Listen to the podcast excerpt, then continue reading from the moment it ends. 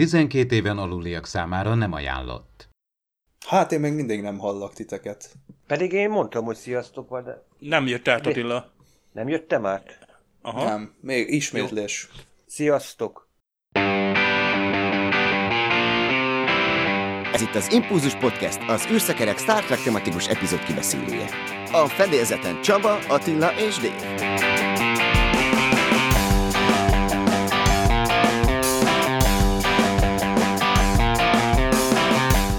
Szervusztok, kedves hallgatók! 121. adásunkat hallhatjátok. A Tökéletes Komputer című epizódról fogunk beszélgetni. Attila és Dév társaságában fogom ezt megtenni. Szervusztok, srácok! Sziasztok! Sziasztok! Én pedig Csaba vagyok. Csodálatos hír érkezett pénteken. Strange New Worlds sorozat bejelentés. Maga Anson Mount, Eden Peck és Rebecca Romaine jelentette be az új Star Trek szériát, a várva várt Strange New Worlds című sorozatot, ami természetesen a Pike kapitány irányítása alatt működő Enterprise-nak a korai kalandjait meséli el. Nekem mindig a korai utazások című képregény jut eszembe, amiben már ugye láthattuk Pike-nak az ilyen utazásait, amiben új világokat látogat meg. Úgy látom, hogy ez is valami hasonló lesz. A CBS, mint a korábban bejegyeztette volna ezt a Strange New Worlds nevet, és már ott a csoportban azt hiszem Dave pont te írtad, hogy találgattuk, hogy na akkor ez egy epizódikus Star Trek lesz, ahol minden héten egy új bolygót látogatnak meg, hát lehet, hogy egy ilyenre számíthatunk. Tök jó a hír, bár az ilyen címlevélések azok még nem mindig jelentenek zöld utat, és nagyon csodálkoztam, mert nekem szinte Picard erejű volt a, a, a bejelentés, most a, a hivatalos kis videó az egy perces, ahol ráadásul a színészek maguk mondják, és nagyon örülnek neki, és lelkesek.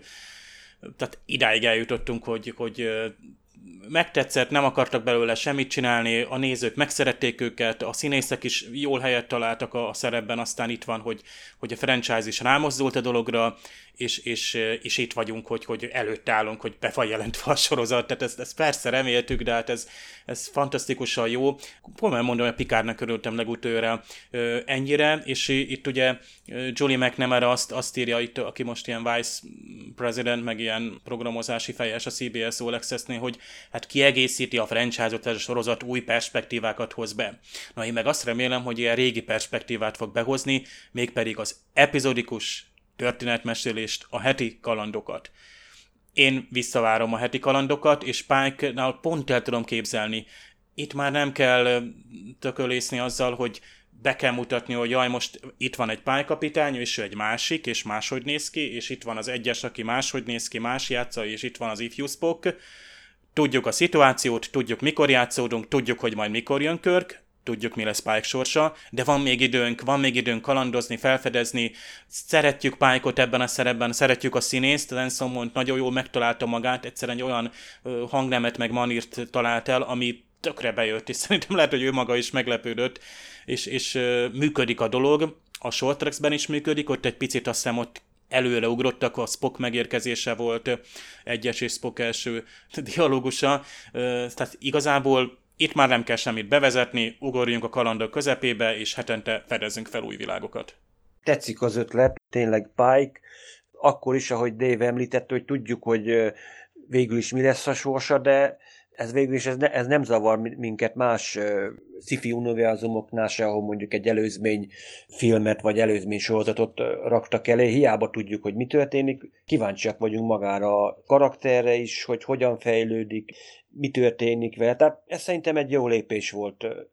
Jenson Mount azt mondta, hogy optimista hangvétel, és a jövőre koncentráló széria lesz. Ez, klasszikus Star Trek, talán még ezt a szót is használta, illetve azt is megemlítette, hogy ő nagyon-nagyon sok szeretetet kapott a Star Trek közösségtől, még soha nem volt olyan rajongó tábor, akitől ennyi mindent, ilyen jó visszajelzéseket, illetve ennyi szeretetet kapott volna. Itt a videóban ennek hangot is adott, amit egyébként az űrszekereken magyar felirattal megnézhettek. Pike-ban még rengeteg lehetőség van. Hát tényleg szinte nem láttunk bele, hogy ő hogyan irányítja az Enterprise, csak azt láttuk, hogy hogyan irányít egy krízis helyzetbe egy idegen hajót, nem a saját legénységével. Hát mindenki kíváncsi arra, hogy mi történik egyessel, mi történik akár Spockkal, is az Enterprise fedélzet, hogy mi történt a, ezen a hajón, ezen a legendás hajón, mielőtt Körk átvette a parancsnokságot. Tehát ugyanúgy néztük a, akár az Enterprise sorozatot, ami száz évvel ezelőtt azelőtt játszódott, mielőtt tényleg maga az eredeti sorozat. Hát tényleg kíváncsi voltunk, hogyan találkozunk a klingonokkal, különböző idegen fajokkal. Hát szerintem az, hogy most hát ez, ez a lényeg a Star Treknek, hogy itt már, már régen nem csak egy hajóról, egy legénységről beszélünk, hanem tényleg itt rengeteg közösséget láttunk, ezt már egy egész univerzumként kell kezelni, már azt mondom, már legalább 30 éve. Ha már a Picard sorozattal állítottunk párhuzamot, azért arról is jöttek hírek, mégpedig az, hogy az Emmy időszakra készül a CBS, úgyhogy több jelölést is szeretne kiharcolni a, a színészeknek. Hát fel se tudom sorolni, mert szerintem szinte mindenkit ö, elkezdett kampányolni és, és tolni, hogy ö, a bizottság figyeljen fel rá és jelölje. A, ami egy nagyobb hír szerintem most jelenleg, mert majd az Emmy az egy kicsit később lesz, hogy Harry Treadaway, aki Nareket játszotta, nem biztos, hogy vissza fog térni már a második évadban, és én nem nagyon tudtam ezt kikövetkeztetni, hogy miért, illetve talán nem voltak erről konkrétumok, nem hiszem, hogy valamilyen konfliktus lenne a háttérben, lehet, hogy ti egyébként majd tudtok valamit erről mondani, de a lényeg, hogy itt ugye a vonatkozó cikkekben még beidézték Michael Shabont is, aki elmondta, hogy hát igen, azért a, a Nareknek jó pár jelenete a vágó asztaló végezte, például az évadnak a végén ugye nem is nagyon tudtuk, hogy mi lett vele. Pedig tényleg az egyik fő konfliktus szállt tulajdonképpen ráépült, hogy tényleg ő volt a azt mondhatjuk így a Romulán kémszervezetben ő volt a fekete bárány, aki ingadozott, hogy most a lojalitás és tulajdonképpen a szerelem között, tehát azt mondhatjuk a Pikárnak az egyik oszlopa volt, de hogy most a második évad tudna hogy működni nélküle, el tudnám képzelni, de jobb lenne, hogyha ugyanúgy meg lenne a szerepe, csak kicsit hangsúlyozásabban, hogy na lássuk, hogy most tényleg Zatvas oldalára áll, vagy pedig tényleg a jó zeneszére hallgat, és Szodzsi oldalára billene inkább a mérleg. Nem tudom, egyáltalán az a konfliktus, az fennáll-e még?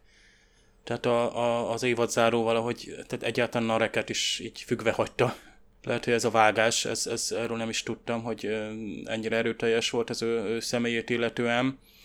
Ezek a váratlan fordulatok, én, én ezért, tehát amit én hiányoltam hogy karaktereket azért úgy következtesen, vagy folyamatában végvinni, ugye erre a tíz epizód nem volt elég, de több karakterrel szemben érezzük úgy, hogy, hogy nem kapta meg a hangsúlyt, tehát amiket felvetettek témákat, azokat, azokat nem lehetett végigvinni. Tehát a Sevenre is el lehet ezt mondani nyilván a, akár a Icsebre, vagy a Hugh-ra. Tehát nekem a Narek az, az jó potenciál volt a karakterben, de nem fog hiányozni, mert nem jól dolgozták ki a, a, a karakterét. Ugye a, a testvérével szemben, vagy Soji mellett volt ő egy, egy érdekes ö, figura. De önmagában nagyon gyenge volt, tehát, a, a, tehát itt megint a, nem a színészi játék, hanem az, az, az hogy uh, itt, itt erre nem volt idő, tehát itt, itt, itt van az, hogy, hogy uh, túl sűrű volt, túl sok, amit el akartak mondani. Tehát így karaktereket sorban mondhatnám azt, hogy ki lehetne hagyni karaktereket a második évadban, mert az első évadban sem hoztak olyan gyökeres, meg hosszú távú jelenlétet, hogy azt a másodikba úgy tartanám, hogy azt vinni kell tovább. Tehát itt, itt például pont szembeállítanám a, a vokkal, ugye őnál is megvan ez a vívódás, pálforulás, álcázás, beépülés motivum, de tekintve ott is, hogy milyen express sebességgel ment ott is a cselekmény, ott még, még, mégis sokkal érdekesebb lett a Voknak a, a kiléte, meg aztán a, a további sorsa, hogy hova fog ő csapódni, melyik uh, csoporthoz, és mi lesz a szerepe. Tehát a Tylerről beszélünk, ugye most már ki lehet mondani. Tehát ő egy érdekesebb figura volt abból a szempontból, hogy, hogy ott jobban érdekelt, mert a, jobban meg volt alapozva, és izgalmasabb volt a többiekhez való, ö, viszonya, mint itt a, a Nareknek. Tehát a Narek, Narissa, Ó felejthető, és tehát a Picard gyengítő karakterek voltak.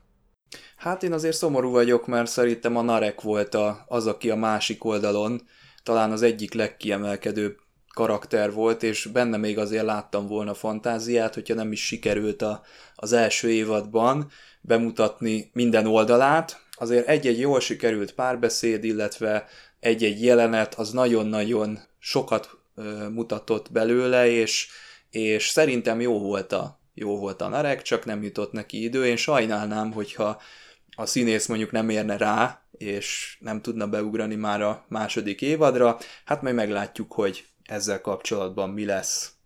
Hát itt decemberben beszélgettünk egy kicsit a Galaxy Questről, 20 éves volt, 25 éves volt, most nem is tudom hirtelen, 99-es a film. Hát 20, mert ugye volt egy impulzus uh, jubilomi adás, egy élő. Igen, köszönöm, tehát 20 éves volt a, a film, ennek apropóján csináltunk egy külön impulzust, és hát ki is jött egy dokumentumfilm, amiről szintén beszéltünk szerintem, hogy ez jönni fog, és hát megjött és meg is lehet vásárolni, illetve kölcsönözni is lehet. Egyébként nevetséges összegérbe lehet szerezni, és meg lehet nézni. Azt hiszem, hogy 300 forintot kell letenni az asztalra, annak érdekében az Apple rendszerben, hogy ezt szépen végig lehessen nézni. Az már más kérdés, hogy aki például nem tud angolul, annak teljesen esélytelen ez a dolog, mert hogy nincs hozzá még magyar felirat sem, hát hangalámondás meg aztán pláne, de aki tud angolul, és érdekli a Galaxy Quest, annak mindenképpen javasolnám, én megnéztem, nagyon jó, kitűnő, kiválóan bemutatja ennek a amúgy is rendhagyó produkciónak a keletkezését, nagyjából ilyen kronológiai sorrendben megy végig ennek a, az egésznek a készítésén, ugye egészen attól, hogy hogy jött az ötlet, ugye itt nyilván a Star Trek lesz említve, és ehhez kapcsolódóan ugye megjelenik Will Wheaton is, illetve Brent Spiner is, sőt a Damon Lindelof is, és azt kell, hogy mondjam, hogy bár ugye nem lett ez egy olyan extravagáns produkció, mint mondjuk Ira Steven Bearnek a What We Left Behind, nem HD-sített, meg egyébként maga a film, mivel ugye megnézhető HD felbontásban, ezért nyilván jó minőségben lehet a bevágott részleteket megnézni. Az ilyen behind the scenes jeleneteknél már azért nincsen meg ez a, ez a hatás. Ott az ember még azért előfordul, hogy belefut egy-egy ilyen SD minőségű bevágásba, de én azt mondom, hogy ez annyira nem rontja le a teljes élményt. És akkor szépen sorban, ahogyan alakult a casting, úgy vezet be minket is a, a dokumentumfilm az egyes színészeknek az akkori emlékeibe, ugye láthatunk itt cosplayes Star Trek, illetve Galaxy Quest rajongókat, nagyon sok a a párhuzam, illetve külső emberek is folyamatosan megszólalnak, úgyhogy én ezt nagyon tudom ajánlani, nem is rövid, azt hiszem, hogy több mint másfél órás ez, a, ez az egész produkció, és nagyon tartalmas, aki szereti a Galaxy Quest-et, az mindenképpen szerezze be. Mondom, itt az említett rendszerbe, aki regisztrál, tehát ilyen ez a 300 forint, nem tudom, 48 óráig meg lehet tekinteni, tehát szerintem ez, ez több mint jutányos ajánlat, akinek tényleg sokat jelent a, a Galaxy Quest, annak meg az. De még megvásárolni is, tehát hogyha valaki mondjuk örökre birtokolni akarja, akkor, akkor az is valami 2000 forint, vagy valami, valami ilyesmi. Tehát mindenképpen javaslom a rajongóknak. És hát tavaly tényleg 20 éves volt, de egyszerre nem lehet észrevenni rajta. Talán az, hogy még a 90-es években azért modellekkel is dolgoztak ilyen science fiction filmekben, nek egyáltalán hát itt úgymond még ez nem az a korszak, amikor a, a, a sci-fi egyet jelentett azzal, hogy csak szemre, szemkápráztató világokat mutasson be. Itt azért, itt azért a, a jellemrajz, egyáltalán ez a meta téma, amit még mondtunk és emlegettünk így a Star Trek kapcsán is, hogy még egy regény is, vagy egy novella is van, ami picit erről szól, hogy a, a Star Trek-ben játszó színészek kicsit kilépnek, és akkor abból a mi valóságunkból is találkoznak azzal az igazi világgal, amit tényleg létezik, ahol ugye ők csak szerepet játszanak. Tök érdekes film, nehéz utánozni, ezért időnként újra nézése, bár már azért megy, a, megy ez a, a, a retro irányba, de én például amikor újra néztem, hát egy, tényleg egy, én is egy nagyobb felbontású változtot ö, néztem, és meglepően időtálló, tehát a látvány világa is, tehát tényleg kellemes. A magyar szinkronja is, is jó, tehát még ez is egy olyan régebbi szinkronos korszakban van. Hát igen, kicsi az esély, hogy például egy ilyen dokumentumfilm magyarul hangozzon el, például még a, a nagy franchise-okban, mint a Star Wars, ott is azért örülhetünk, hogy van tényleg az a néhány dokumentumfilm, az vannak azok a nagy másfél órások, amikor is gyakorlatilag a tényleg keletkezés történetének járnak utána a, a Star Warsnak, amik így a 2000-es években jöttek ki, meg néhány ilyen nagyon ilyen VHS minőségbe itt lekapható ilyen Star Wars-os dokudát. Manapság már ezek is egyre értékesebbek, főleg, hogy most ülnek le készítőkkel. Ez egy külön műfajá válik, úgy tűnik, hogy, hogy 20-30 évvel ezelőtti produkcióknak a, az alkotói ülnek le, és hát nagyjából körülbelül eddig lehet visszamenni, tehát az ezeket készítő emberek vannak még azért hát jó bőrben, meg aktív állapotban, hogy, hogy mozgósíthatók, és szívesen el is jönnek, mert azért találkoztunk olyan, hogy egy dokumentumfilmben már nem szerepel például egy, egy főszereplő színész, esetleg netán fontos ember, rendező, producer, Másik oldalról meg tök jó, ha ezt ugyanezt úgymond olyan kezdeményezésekből jönnek létre, mint például hát a Iris Steven Bear, hát az, az, az, egy etalon, most már amit ő letett, tehát a szintén 455 Studios által készített Voyager doksi, ami ugye hát reméljük azért az is elkészül, nem biztos, hogy pont így a 25. évforduló évében, de azért ott föl kell kötni a gatyát. Tehát itt, itt már itt kultikus dolgokról beszélünk, akár most itt a Galaxy Quest, de a Voyager esetében is, meg ugye a Deep esetében is olyan értem, hogy, hogy a, a rajongói tábor, tehát akiknek ez a dokumentumfilm szól, azok nagyon is, igenis megnézik ott, ott minden egyes másodpercét, de mondom, a, amit az Iris Steven Bérék csináltak, az, az etalon olyan értemben, hogy, hogy olyan tényleg háttéranyag, hát nem csak az, hogy most minden színésszel tényleg körbejárnak karaktert, és, és rajongói véleményeket csatolnak be, és keletkezésből mutatnak, hoznak sztorikat, ezek úgy összeszedhető dolgok, de hogy ezt az egészben még ők beletették ugye ezt a virtuális nyolcadik évad egy ilyen írószoba, tehát ez, ez és ott látni a, a egykori írók, producerek itt, leülnek, rajongóként nincs nagyobb vágyad, mint ott, ott legyél, és ez, ezek között az emberek között legyél, és, és élőben lásd őket. Meglep, hogy ilyen jó áron elérhető, tényleg itt ez jó alternatíva én ilyenkor mindig szoktam ugye zsörtölődni, hogy kevés a hangsúly, bár például pont a, dokumentumfilmeken manapság, hogy elérhetők legyenek, bár például pont a Netflix azért elég jól hozza azt, hogy ő saját magától készített dokumentumfilmeket, vagy éppen teszem azt, azt hiszem ilyen BBC-s koprodukciói is vannak, tehát azért szerencsére a szórakoztató óriások is azért gondolnak erre, és, és kihoznak ilyen értékes tartalmakat. Az Impulzus Podcast pillanatokon belül folytatódik. Ez itt csak nem a parallaxis? Parallaxis. Hi, this is Chase Masterson from Star Trek Deep Space Nine. This is Parallaxis. A Tilos Rádióban hallható szokolébresztő testvérműsorának epizódjaiért kattints a tudományosfantasztikum.hu tudományosfantasztikum.hu oldalra. Figyelem! A műsorban spoilerek bukkanhatnak fel.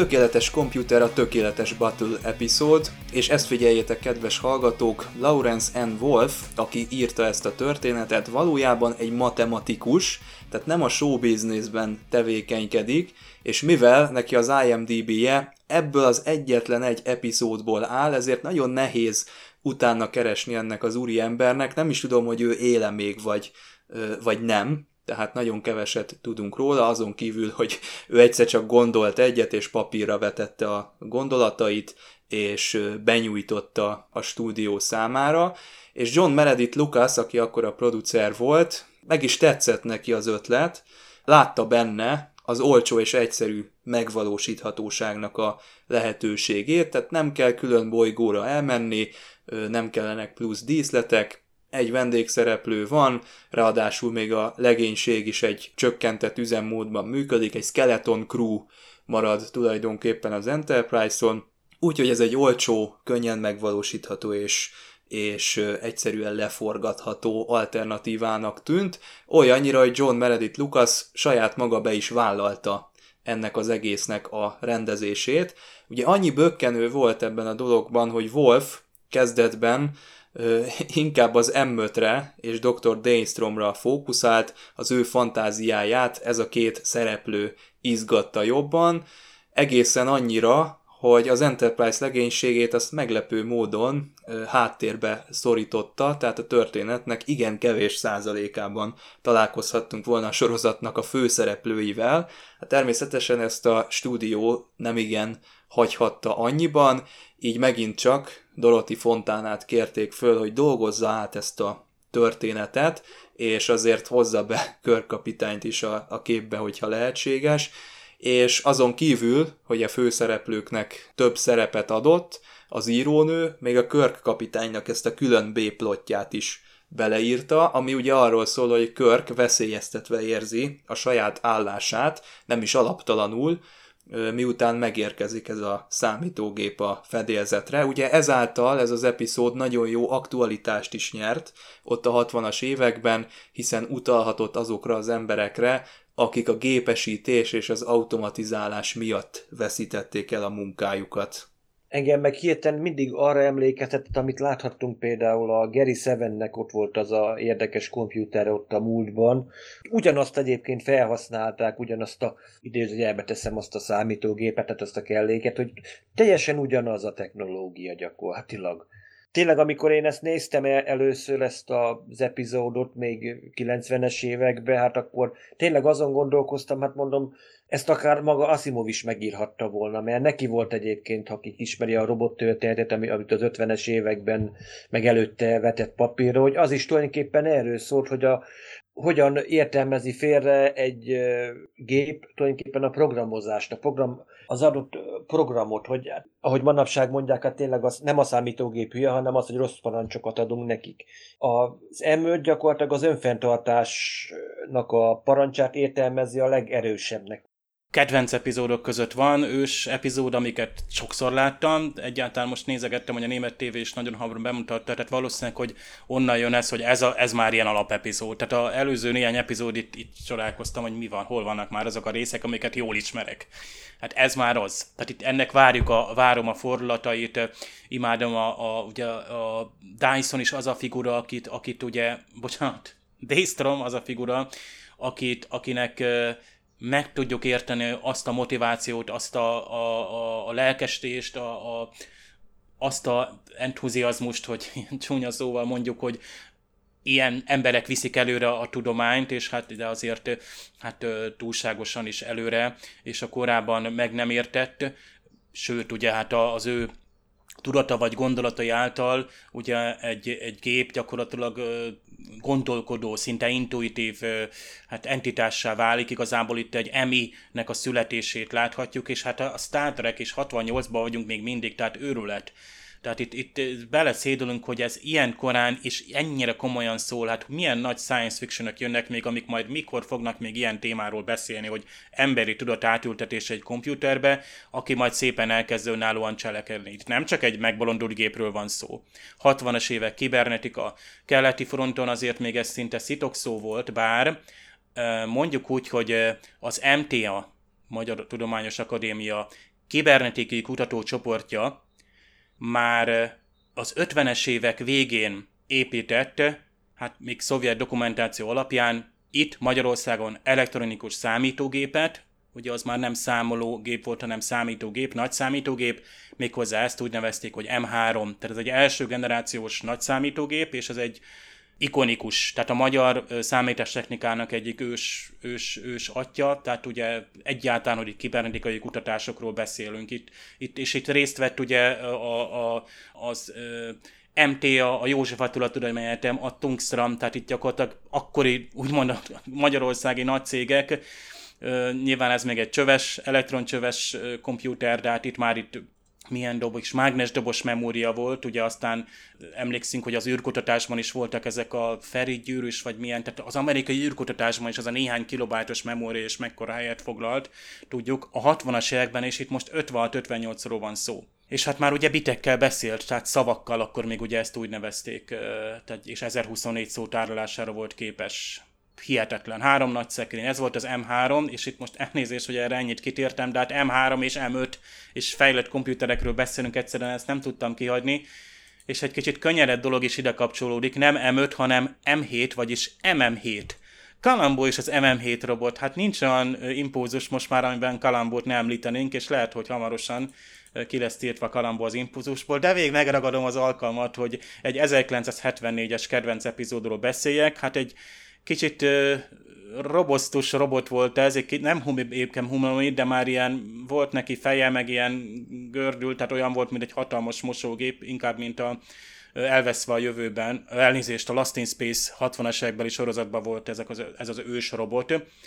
És miért érdekes még ez az epizód? A, a Mind Over Mayhem című epizód a Kalambónak 74-ben. Hát egyrészt ez a robot szintén arra volt használva, és most spoiler, spoiler, hogy gyakorlatilag a gyilkos, ugye a főgyanostort professzor arra használja ezt a robotot, hogy egy úgynevezett háborús játék szimulációt, Wargames ugyanaz a szó, tehát hadgyakorlatot végezzen el egy ilyen katonai kutatóintézetnek a számítógépén. Tehát ebben az epizódban, a Kalamba epizódban egy robot programoz egy számítógépet, miközben hogy a professzor ugye megöli az egyik hát konkurenciát, aki a, a fiának a ugyan bemószerolta volna.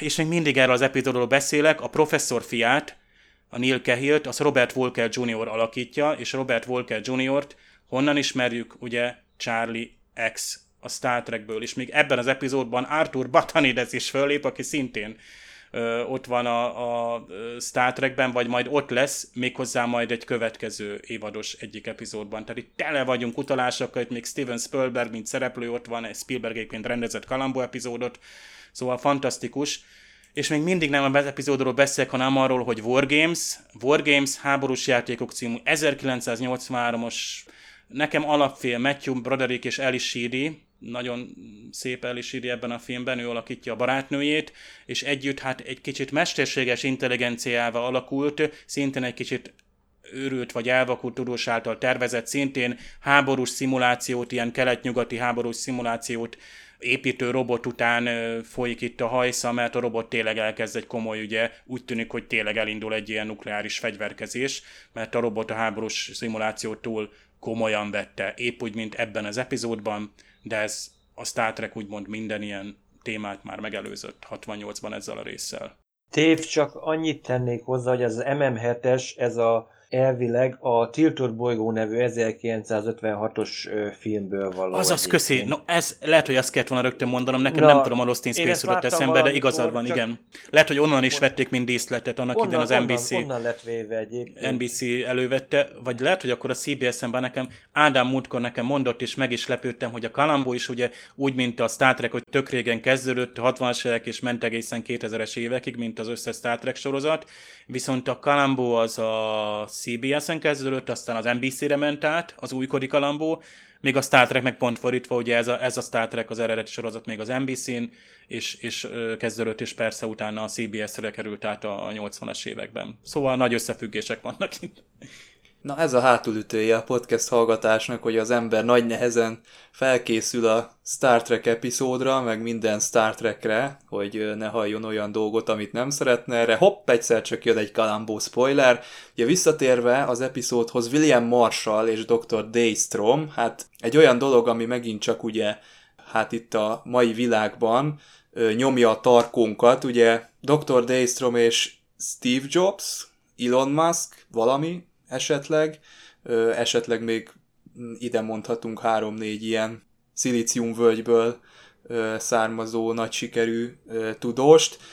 Fiktíven az Dyson jut eszembe nekem, a, a, tudjátok, a Terminator 2 az ítélet napjában látjuk, azt hiszem ott látjuk először ugye a, a Miles Dyson-t, nekem tök ő, ő, ő ugrott be, aki szintén hát úgymond jó szándékkal találják fel ugye ezt a kibernetikában jelentős csippet, de hát aztán az is ugye nagy a Terminátornak a univerzuma, bár én szerintem a kettes filmnél véget kellett volna, hogy érjen, minden esetre ott is ugyanez a típusú tudós, hogy jót akar, megteremt valami nagyon nagyot, és aztán az, az Ezek a tudósok egyébként így messziről nézve tök jó, tehát a, az Elon Musknak a tevékenységét így egy kontinensnyi távolságból én nagyon szívesen nézem, de nem biztos, hogy egy szobába maradnék vele. És ugyanúgy érezzük ugye Steve jobs kapcsolatban is, hát Dr. Daystromnal meg itt látjuk, hogy mi a helyzet. Ugye ezen a szinten, ahol már ilyen léptékű dolgokról van szó, én azt hiszem, hogy sajnos elkerülhetetlen az, hogy előkerül a megalománia, ez a furcsa viselkedés, ez a bezártság. Ugye itt is történik Dr. Daystrommal egy úgynevezett ilyen implode tehát amikor ugye majdnem idegösszeroppanást kap, amikor elkezdi mondani, hogy hát a kollégái őt, őt kiröhögik a háta mögött, meg nem veszi komolyan senki, meg, meg furcsálják, meg olyan, olyan furcsa szemmel néznek rá. Ugye ez mind-mind olyan dolog, ami így gyűlik-gyűlik a, az emberben, aztán egyszer csak felrobban, aztán vagy idegösszeroppanást kap, vagy valami más lesz ennek a, az eredménye. Itt ez bemutatja, hogy talán ugye ennek a nagy idézőjelbe vett halhatatlanságnak, vagy ennek a nagyon nagy léptékű gondolkodók, illetve életünket meghatározó nagy feltalálóknak milyen is tulajdonképpen, milyen lehet a, a belső világa. Kicsit ilyen Breaking Bad-es érzésem is van, amikor úgy a, a, az emberre így nehezedik a, a, az életnek a súlya, és akkor így gyűlik benne a feszültség, és egyszer csak így, így szétrobban. És nagyon jó, hogy párhuzamosan, ugye ahogy Dr. Daystrom egyre hát leharcoltabb állapotba kerül, úgy az m is egyre megbízhatatlanabb és egyre kiszámíthatatlanabb lesz. Annyira alapgondolatok hangoznak el itt ebben az epizódban, tehát ez az elgépiesedés. Ez tényleg a 60-as évektől is, is nagyon erőteljes volt, de most is kimondhatjuk, és most pláne hozzátehetjük ezt a mesterséges intelligenciát. Tehát ugye egy hatalmas adathalmazban élünk, amit, amit ugye egyelőre még szoftveresen elemeznek, és és annak vannak következményei, tehát úgy kapunk reklámokat, és, és úgy megyünk vásárolni, tehát a, a mi- minket érő hatások lassan gyakorlatilag gépi döntésekre fognak épülni. És ez, ez a emberi döntés, ez az igazi, amitől fél, hogy ezt veszíti el Körk, mert persze, hogy az Danzel kapitánynak szólítják, hogy aki fölösleges, akire már nincs szükség, mert ö, sőt, a áramköröknek fog engedelmeskedni, tehát egy a kapitányból lesz egy, vagy a legénységből lesz egyfajta ö, robot, a robot pedig szinte emberré lesz, mert tehát ö, intuitív döntésekre lesz képes, és így veszi el az embernek a munkáját, meg az életét.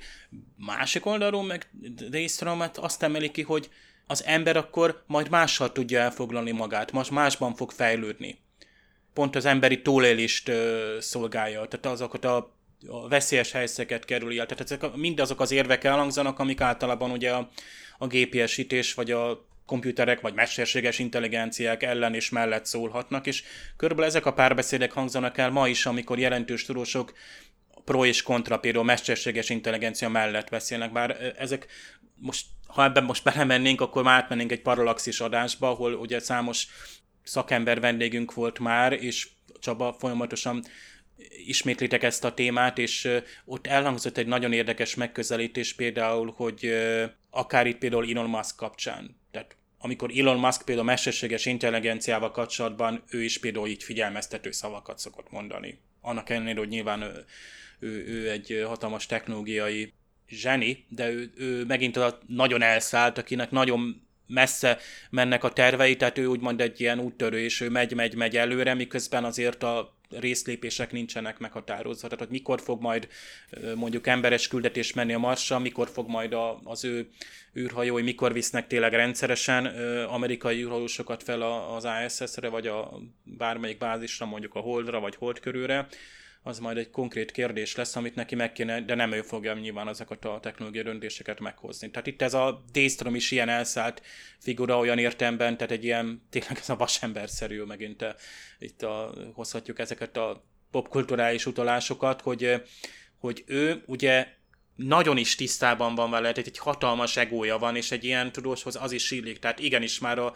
a duotronikus áramkörök, ami megfelel mondjuk azt szerintem ugye a bináris, vagy az után következő. Emlékszünk, hogy a Star Trek mondja, hogy hát a régi bináris már régen az izolináris csippek cseré, váltották fel. Azt hiszem a TNG-ben ez elhangzik. Tehát ami most van, hogy bináris számítástechnika, az túlhaladott, és már érezzük, hogy túlhaladott, már jön, jön a kvantum számítástechnika. És az lesz egy, egy óriás lépés. Még itt erre a Multitronics-ra mondják, bármit is jelentsen, Duotronics, Multitronics nincs megmagyarázva, de körülbelül értjük, hogy egy nagy technológiai lépés. Tehát olyan, mint amikor azt mondom, hogy a, elektroncsöveket tranzisztorokkal helyettesítem, és akkor most már azt fog számítani, hogy hány millió vagy milliárd tranzisztor van mondjuk egy, egy processzoron belesűrítve, most már milliárdok és itt is a Daystromnak az innovációja az fölír azzal, hogy a térhajtásnak a feltállása. Tehát nyilván ilyen kaliberű emberek ennyire el vannak szállva, és ennyire szeretik a, a gyermekeket, és ennyire rávetítik magukat, és, és szó szerint a tudatát adja át. Na most az, ez, ez mennyire veszélyes, ezt, ezt itt látjuk pont ebben az epizódban, és hogy ő mennyire felmentető, meg mennyire nem mindig csapattal kell dolgozni, most itt okos vagyok nagyon, ugye távolról, ugye csapattal kontrollálva azokat a, tehát azokat a hatalmas technológiai lépéseket, ugye ez a kis lépésekben haladva. Ezt nyilván valamikor ekkora technológiórás nem lehet kis lépésben megcsinálni, és mindig ilyen szerencsétlen csillagflotta kapitányok, mint Körk és Pikár, ugye emlékszünk Pikárhoz is jött ugye a, a utazó, meg az utazónak a most nem jut eszembe, hogy hívják a munkatársak. Itt nincs erről szó, mert maga a Dainstrom az ö, agy, tehát ő, az Enterprise jelenlegi komputere is már őnek köszönhetően működnek, de most ezerszer gyorsabbak lesznek. És csak ugye elnézést kérek előre is, csak hátra dőlsz, és hagyod, hogy a gép végezze a dolgát. Ugye, tehát semmi más nem kell csinálni. De egy csillagfotó kapitány akarja ezt valaha is? Hogy kihívás nélkül, és itt ebben az epizódban annyiszor látjuk, és nagyon-nagyon tetszik, hogy adjuk ki a vörösi adót, adjuk ki a, a irányváltást, pajzsokat föl az m már az régen rendelte. A epizód lényegét összefoglalják ezek a mondatok, ez egy mozifilmben lehetne egy visszafél, visszatérő geg, hogy majd kedden érkeznek a pótalkatrészek, vagy nem is tudom mi a Star Trek. Hát itt meg az m már kiadta az utasítást, ezt egy visszatérő szófordulatként bele lehetne tenni. Ugye itt felmerül, Spock mondja, hogy hát azért nagy kár, hogy az orvost azt nem lehet kiváltani egy jó komputerrel, és akkor nem kéne hallgatni a Dr. McCoy-t. De hát ugye a Star Trek Voyager-ben ugye ott van a holodoki, ha bár őt ugye nem arra tervezték, hogy önállóan praktizáljon, hanem hogy kiegészítse a, az ottani húsvérhajó orvosnak a tevékenységét, de hát látjuk a Voyager fedélzetén, hogy ennek ellenére ő azért képes ellátni egy egész legénységet, még hogyha be is segít, azért a Kesz meg a Tom Paris odajön és segítenek, és hogyha már ugye a körköt is érintettük, hogy szegény mennyire el van szomorodva, hogy jön a gép és elveszi az állását, akkor talán nincsen olyan probléma, amit egy jó italozással ne lehetne megoldani. Ugye itt jön a hát bárpultos doki, akit már ismerünk a The Cage című epizód óta, aki ugye mindig fel tudja dobni egy kapitánynak a hangulatát, hogyha arról van szó. Látunk ilyet még a későbbiek során is természetesen, de tényleg érdekes, hogy ez Dr. McCoy egyik legjobban sikerült epizódja talán, annak ellenére, hogy nem kell neki se műtenie, se pácienseket kezelnie, és még csodálkozik is a Dr. Daystrom, hogy hát hogy is kerül ide ez az ember, ő egy orvos, most akkor ő mit keres itt a gépházban, vagy miért van itt? Tehát így nem is érti ezt, a, ezt az egész helyzetet, de hát annyira eszenciális része, tehát ő a körkhöz hozzá tartozik, nyilván alap, a, mi nézők ö, már tudjuk, ezt nem mondjuk ki soha, de ott van a, a tudatalattinkban, hogy hát persze Dr. McCoy az nyilván ott van a hídon, hát neki kell, kell a körknek tanácsot adni, meg kell ott zsörtölődnie, hát enélkül nem működik a hajó, hogy ő ne lenne ott mindenütt, és amikor pedig ugye lelki támaszt kell nyújtania, vagy uram, bocsát, tanácsadói szerepben kell lennie, akkor bizony ott a McCoy van, aki ezt megteszi. A második legfontosabb ember a hajón tulajdonképpen az orvos, mert ő figyel arra, hogy a kapitány ne csináljon, ne kapja el úgymond az Isten komplexus, hogy ne jusson el odáig, hogy a kapitánynak mindig igaza van. Neki nem csak az embereket gyógyítani tudjon, nem csak az a képessége van, hanem igen, hogy odafigyeljen a legénységre is, hogy a, a moráljukat mindig a képességeit maximumát nyújtsák. És tényleg gyakorlatilag, ha nagyon jól megnézzük, így a maga, ebbe a sorozatba is, hogy szinte a McCoy, a hajóorvos az egyetlen, aki nyíltan szembe száll mindig körkel, megmondja a véleményét, miközben Spock úgy szépen a maga udvarias módján sejteti, hogy hát kapitány, most nem önnek van igaza, mert a logika más diktál, de viszont McCoy tényleg egy ilyen csúnya szóval mondom ősemberként tulajdonképpen Pacekba tolja. tényleg megmondja a véleményét. Igen, hát megmondja, ő nem, ő nem szépíti a dolgokat, és mondjuk egy jó hajóorvosnak ez a ez mondjuk a ismérve, hogy ott, na most kettő meg kettő az négy, tehát ezt meg kell mondani egy kapitánynak is, mert van, amikor elfelejti. Mit kell csinálni, amikor egy gép elszabadul? Hát hívni kell Kirk kapitányt, hiszen tudjuk róla, hogy ő a halálba tudja beszélni az adott rendszert, és hát az is érdekes az epizódban, amikor sokáig azon gondolkodnak, hogy hát mi csináljunk ezzel a számítógéppel, ez itt meg fogja semmisíteni ezeket a csillaghajókat. Egyszer csak felmerül az ötlet, hogy hát akár beszélgethetnénk is vele.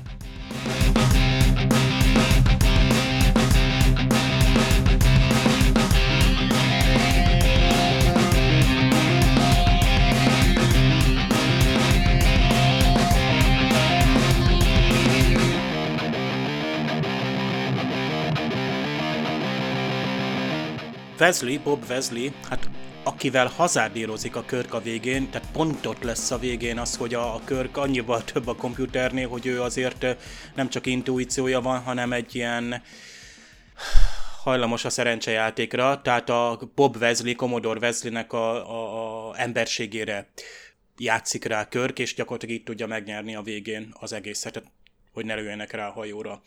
Ezt még csak a, így a végéhez tettem hozzá, de amúgy a Commodore Wesley, ugye annól indul ki az egész szinkronban, hogy megszólítják őt, és hát flotta parancsnoknak szólítják, ez jól bevált már a magyar szinkronban. Ugye tudjuk, itt arról van szó, hogy egy kapitánynál magasabb rangú, de még nem admirális, hanem egy inkább egy ilyen sorhajókapitány, vagy kötelékparancsnok, egy hajóosztályparancsnok, rangidős kapitány, aki mondjuk egy adott szituációban parancsokat ad.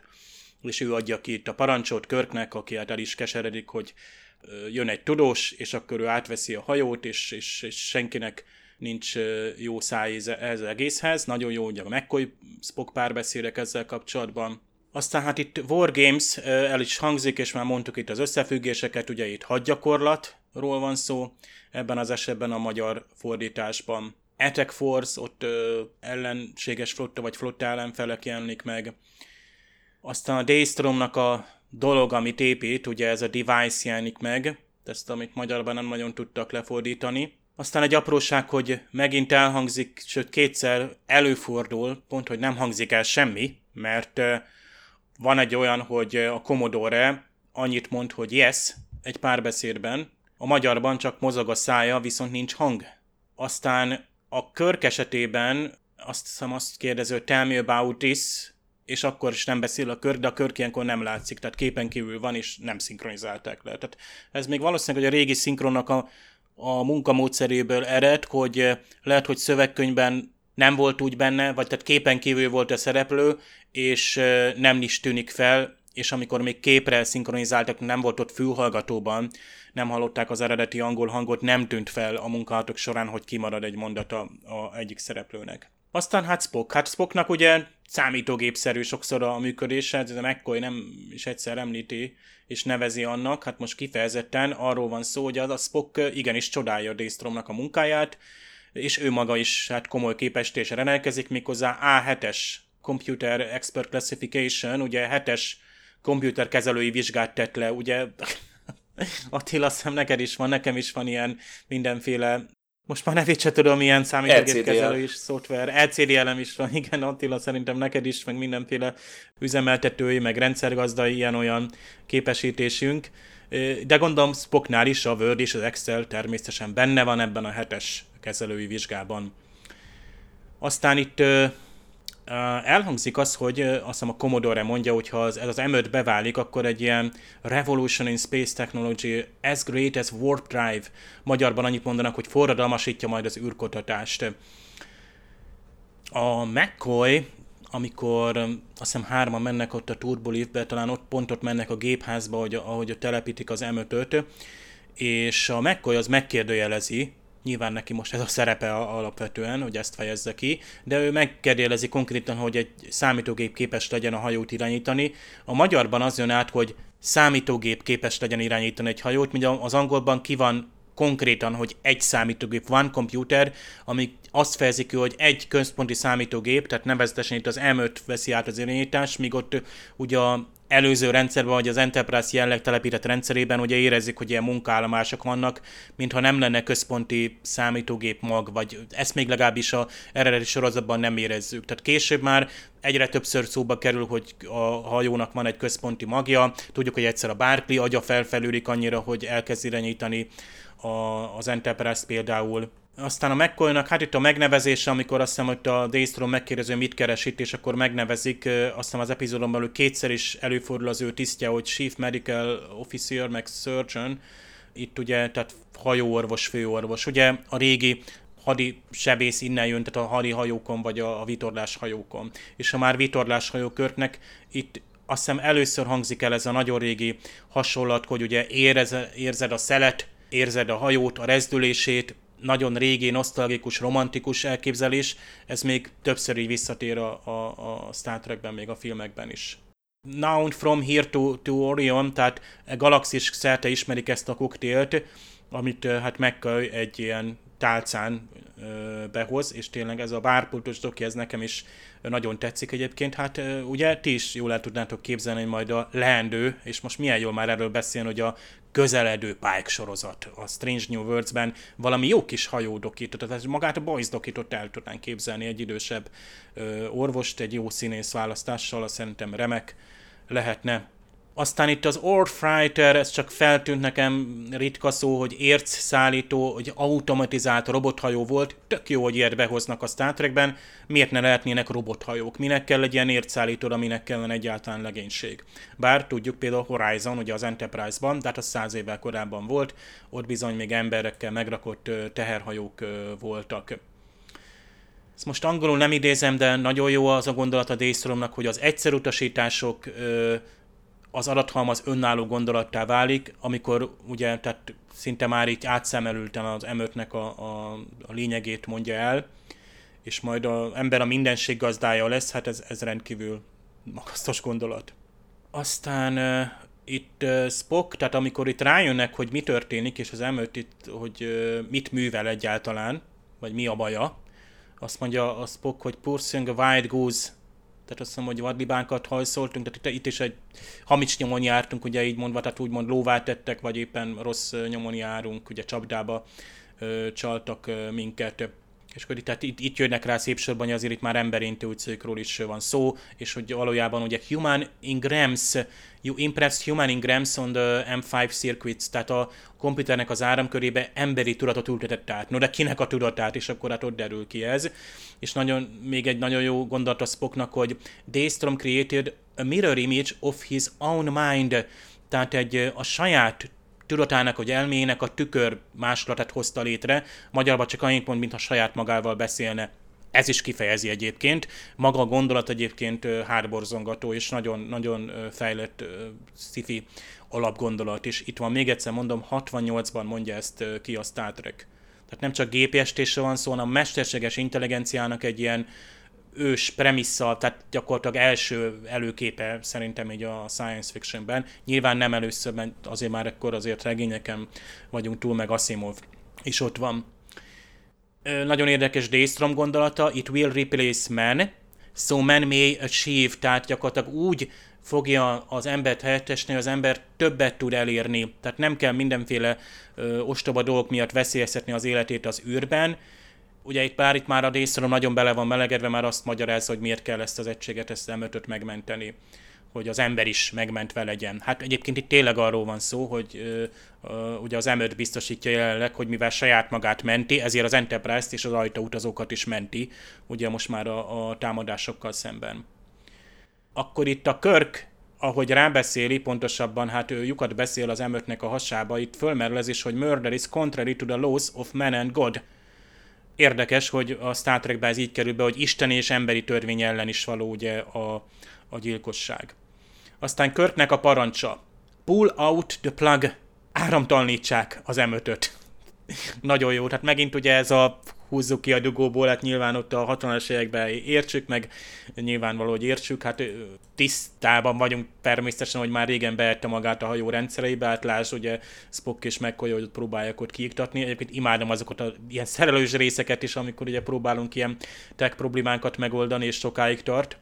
Kirk miért több vagy hatékonyabb ebben a szituációban, mint az M5 vagy egyáltalán egy komputer, mert ő képes például kockáztatni mint egy szerencséjátékban. Itt a gamble szó jut eszébe, ami, a, ami kifejezetten ezt fejezi ki, hogy kockázatot vállal, hazárdírozik, elveszít valamit, kockára tesz, könnyen műsködik, és Körknél ismerjük el, ez igazából Körknek az attribútuma, és ugye ő azt kockáztatja, hogy ő ismeri a Bob Wesley-t, és mint ember remél vagy számít az emberségére, hogy meg fogja kímélni őket leeresztett pajzsokkal, mert amúgy a Bob Wesley, ha logikusan gondolkozok, Bob Wesley azt látja, hogy az Enterprise leeresztette a pajzsát, ez gyakorlatilag az M5-nek egy trükkje is lehet. Tehát ha én komputerként gondolkodok, akkor tudom, hogy ezt a trükkömet átlátják, és éppen ezért azonnal lőni fognak vissza.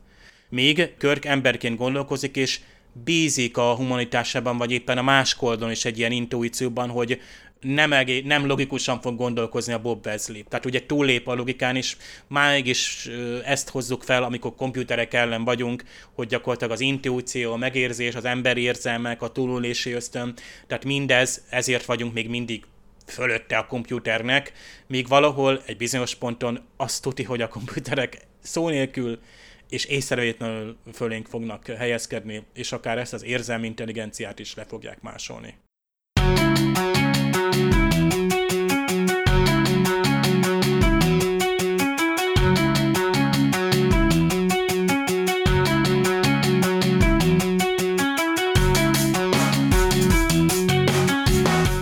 Amikor a második évad legjobb epizódjairól van szó, akkor a tökéletes komputer mindig eszembe jut. Dráma a négy fal között, gyakorlatilag csak a színészekre van bízva, hogy mennyire jön át a nézőnek a szorult helyzet, és hogy mennyire nagy a baj.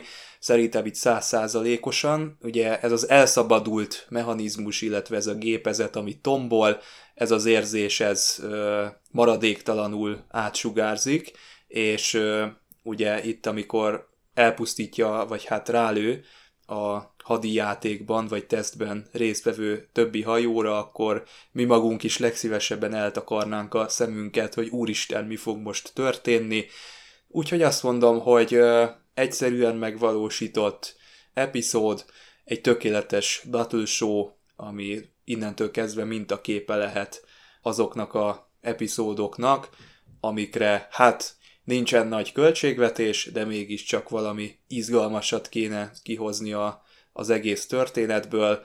Ez mindenképpen egy, egy felejthetetlen és az eredeti sorozat legjobb epizódjai közé tartozó élmény.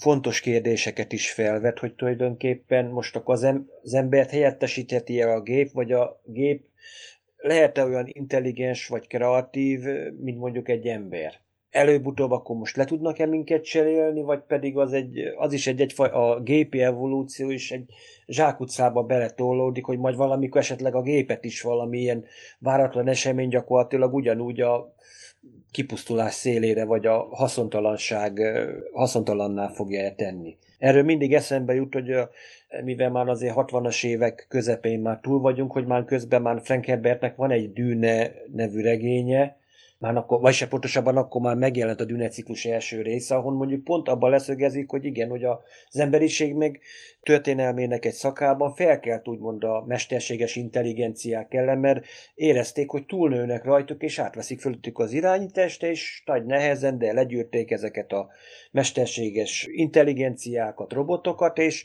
megpróbáltak tulajdonképpen nélkülük boldogulni egy galaktikus civilizációban.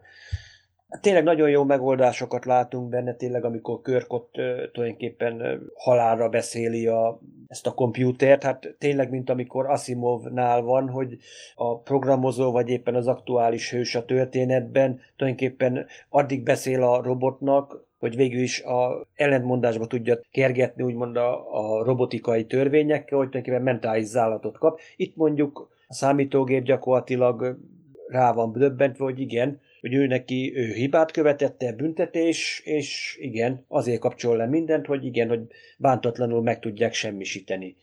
Van egy jelenet, amikor ugye kikapcsolják az áramforrás, de, sát, de mégse sikerül, eleve a magába a reaktorból vonja az energiát.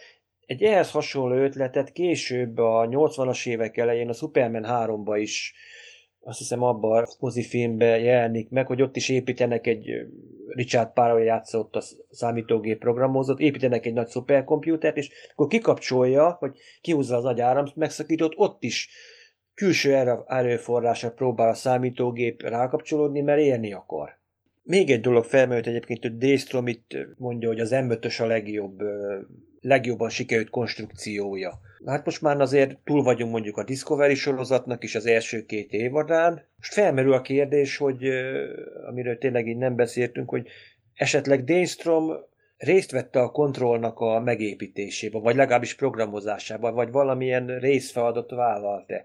És esetleg mondjuk azért nem nagyon dicsekszik, hogy az M az első négy konstrukciójával, vagy lehet, hogy itt már megpróbálta az M5-nél kiküszöbölni a kontrollnak a azt mondjuk etikátlanságát, hogy itt tényleg itt törvényeket alkot, hogy igen, hogy aki hibázik, vagy embert ölni bűn, és akkor a bűnhődni kell, tehát még ez is előfordulhat, hogy jó, itt nem volt olyan, hogy na most akkor minden mesterséges intelligenciát betiltsunk, mint mondjuk a Picard sorozatnak az egyik fő témája, hanem itt ugyanúgy maradhatnak emik, és akár hadgyakorlatot is hadgyakorlaton kipróbálni, hogy mit tud egy számítógép éles helyzetbe. Tényleg egy mozgalmas, izgalmas rész, hogy komoly kérdéseket feszeget a mai napig is. Igen, magas, és nekem is előkelő helyen van, emlékeztes alapepizód, megkerülhetetlen egyáltalán science fictionben, tehát ez, ez tényleg fél évszázaddal azelőtt, hogy, hogy még most is arról beszélünk, hogy már most van-e például mesterséges intelligencia, de ha csak arról beszélünk, hogy itt az m még nem volt mesterséges intelligencia, hanem csak ugye a, a Richard Davestromnak a úgy szóván a tudata, vagy a, hát a mentális állapota is bele volt valahogy implementálva, tehát már az is egy, hiszen pont, hogy visszatükrözte, pont az a tükör szó is elhangzik, hogy hogy az ő neki a személyiségét, pszichológiai státuszát, és amikor a Daystrom ugye instabil lett, akkor gyakorlatilag ugyanez a komputerrel is volt, hogy a komputer gyakorlatilag erkölcsi alapokon meg lehetett győzni, hát akkor én azt mondom, hogy ez, ez zseniális epizód, tehát megint egy, egy többszörös alap science fiction motivum, ami megint jó színészekkel jól van előadva, és itt próbáltam én közben itt puskázni, meg nyomozni, hogy mi történt Daystormmal, hát valami mentális rehabilitációs intézetbe került ő, mindezután, de hát mindez nem akadályozta meg, hogy a neve azért örökre fennmaradjon, olyan értemben, hogy a munkásságának állít emléket egyáltalán a Daystrom intézet. Pikát sorozatban is találkozunk vele, és maga a Daystrom D is és egy, egy érdekes, hát folytatása lett volna ennek a Daystrom sztorinak az, hogy a TNG-nek a Booby Trap nevű epizódjában, tehát az ilyen második, harmadik évad körül, amikor Lee Abrams ugye az Enterprise D compute, ö, hajtóművének meg gépházának a tervezője a fedélzetre jön, hát először még csak holografikusan van, ugye tudjuk, Jordi futtatja a programját, tehát ő állítólag ő Daystrom lett volna, Dr. Daystromnak az ük-ük unokája, de aztán itt megváltoztatták menet közben a sztorit. Aztán most láttam a Interstellát, nem tudom hányadszor, fantasztikus film, és az ottani robotok. Azokról keveset szoktunk beszélni, mert az Interstellar annyira súlyos mondani valót hordoz minden tekintetben, hogy elfeledkezünk így ezekről a robotokról, tudjátok, ezekről a kocka, Lego, vagy nem tudom, Rubik kocka, vagy mi kéne, mihez kéne hasonlítani, akinek viszont borzasztó emberi személyisége van, tehát mintha tényleg, és ott azt hiszem szabályozni is lehetett, ugye a TARS volt az egyikük, hogy, hogy mennyire legyen őszinte, mennyire legyen humoros, és akkor néha ilyen, ilyen szarkasztikus volt.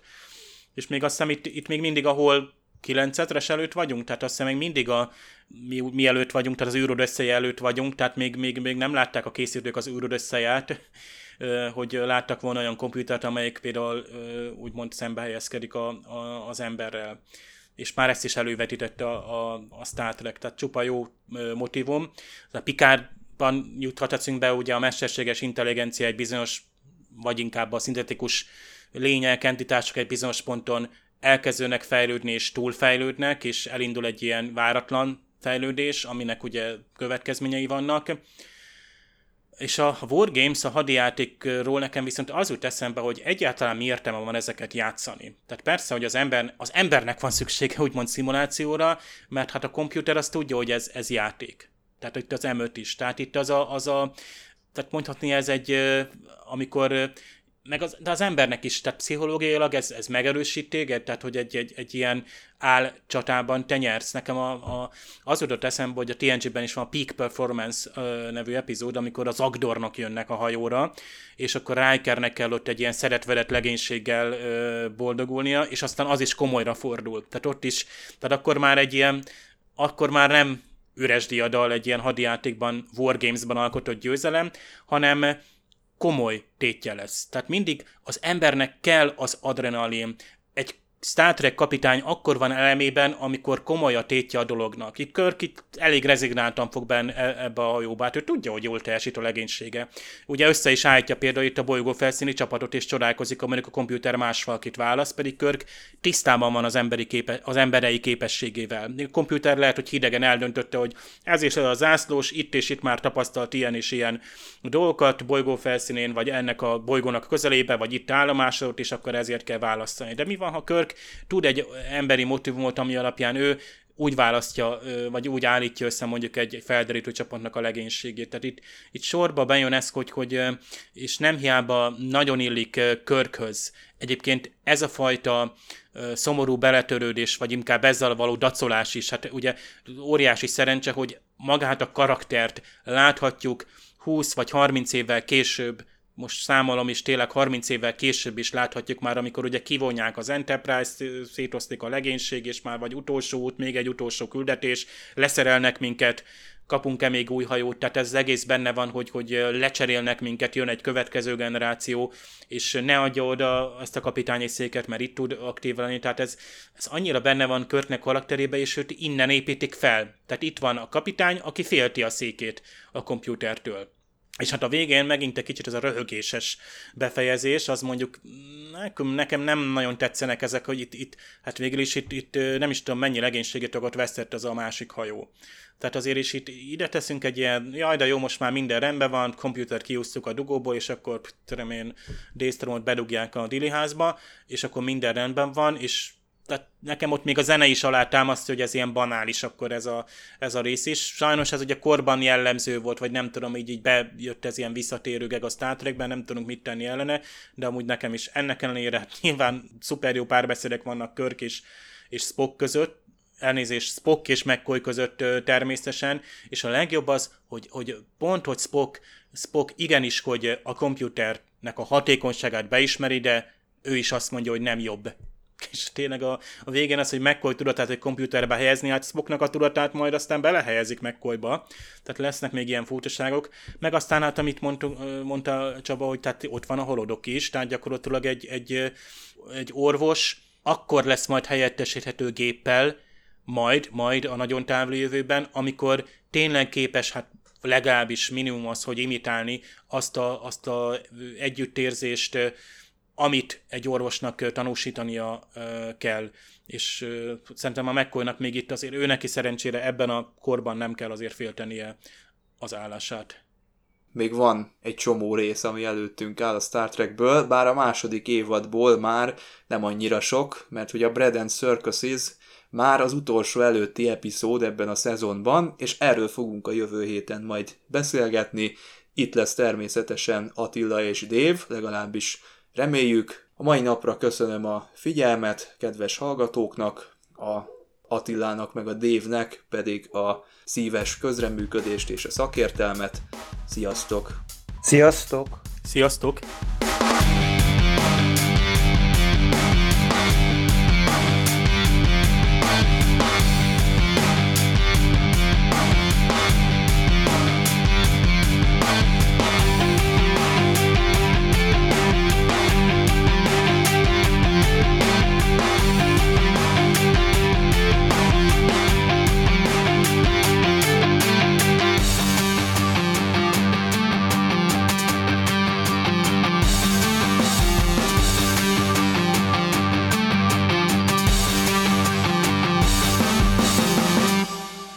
Ez a kutya nagyon rossz korugatott. Ezek a jó kis de- kutyogatások mindig akkor ugranak, amikor ugye a záró szavak vannak, és Igen.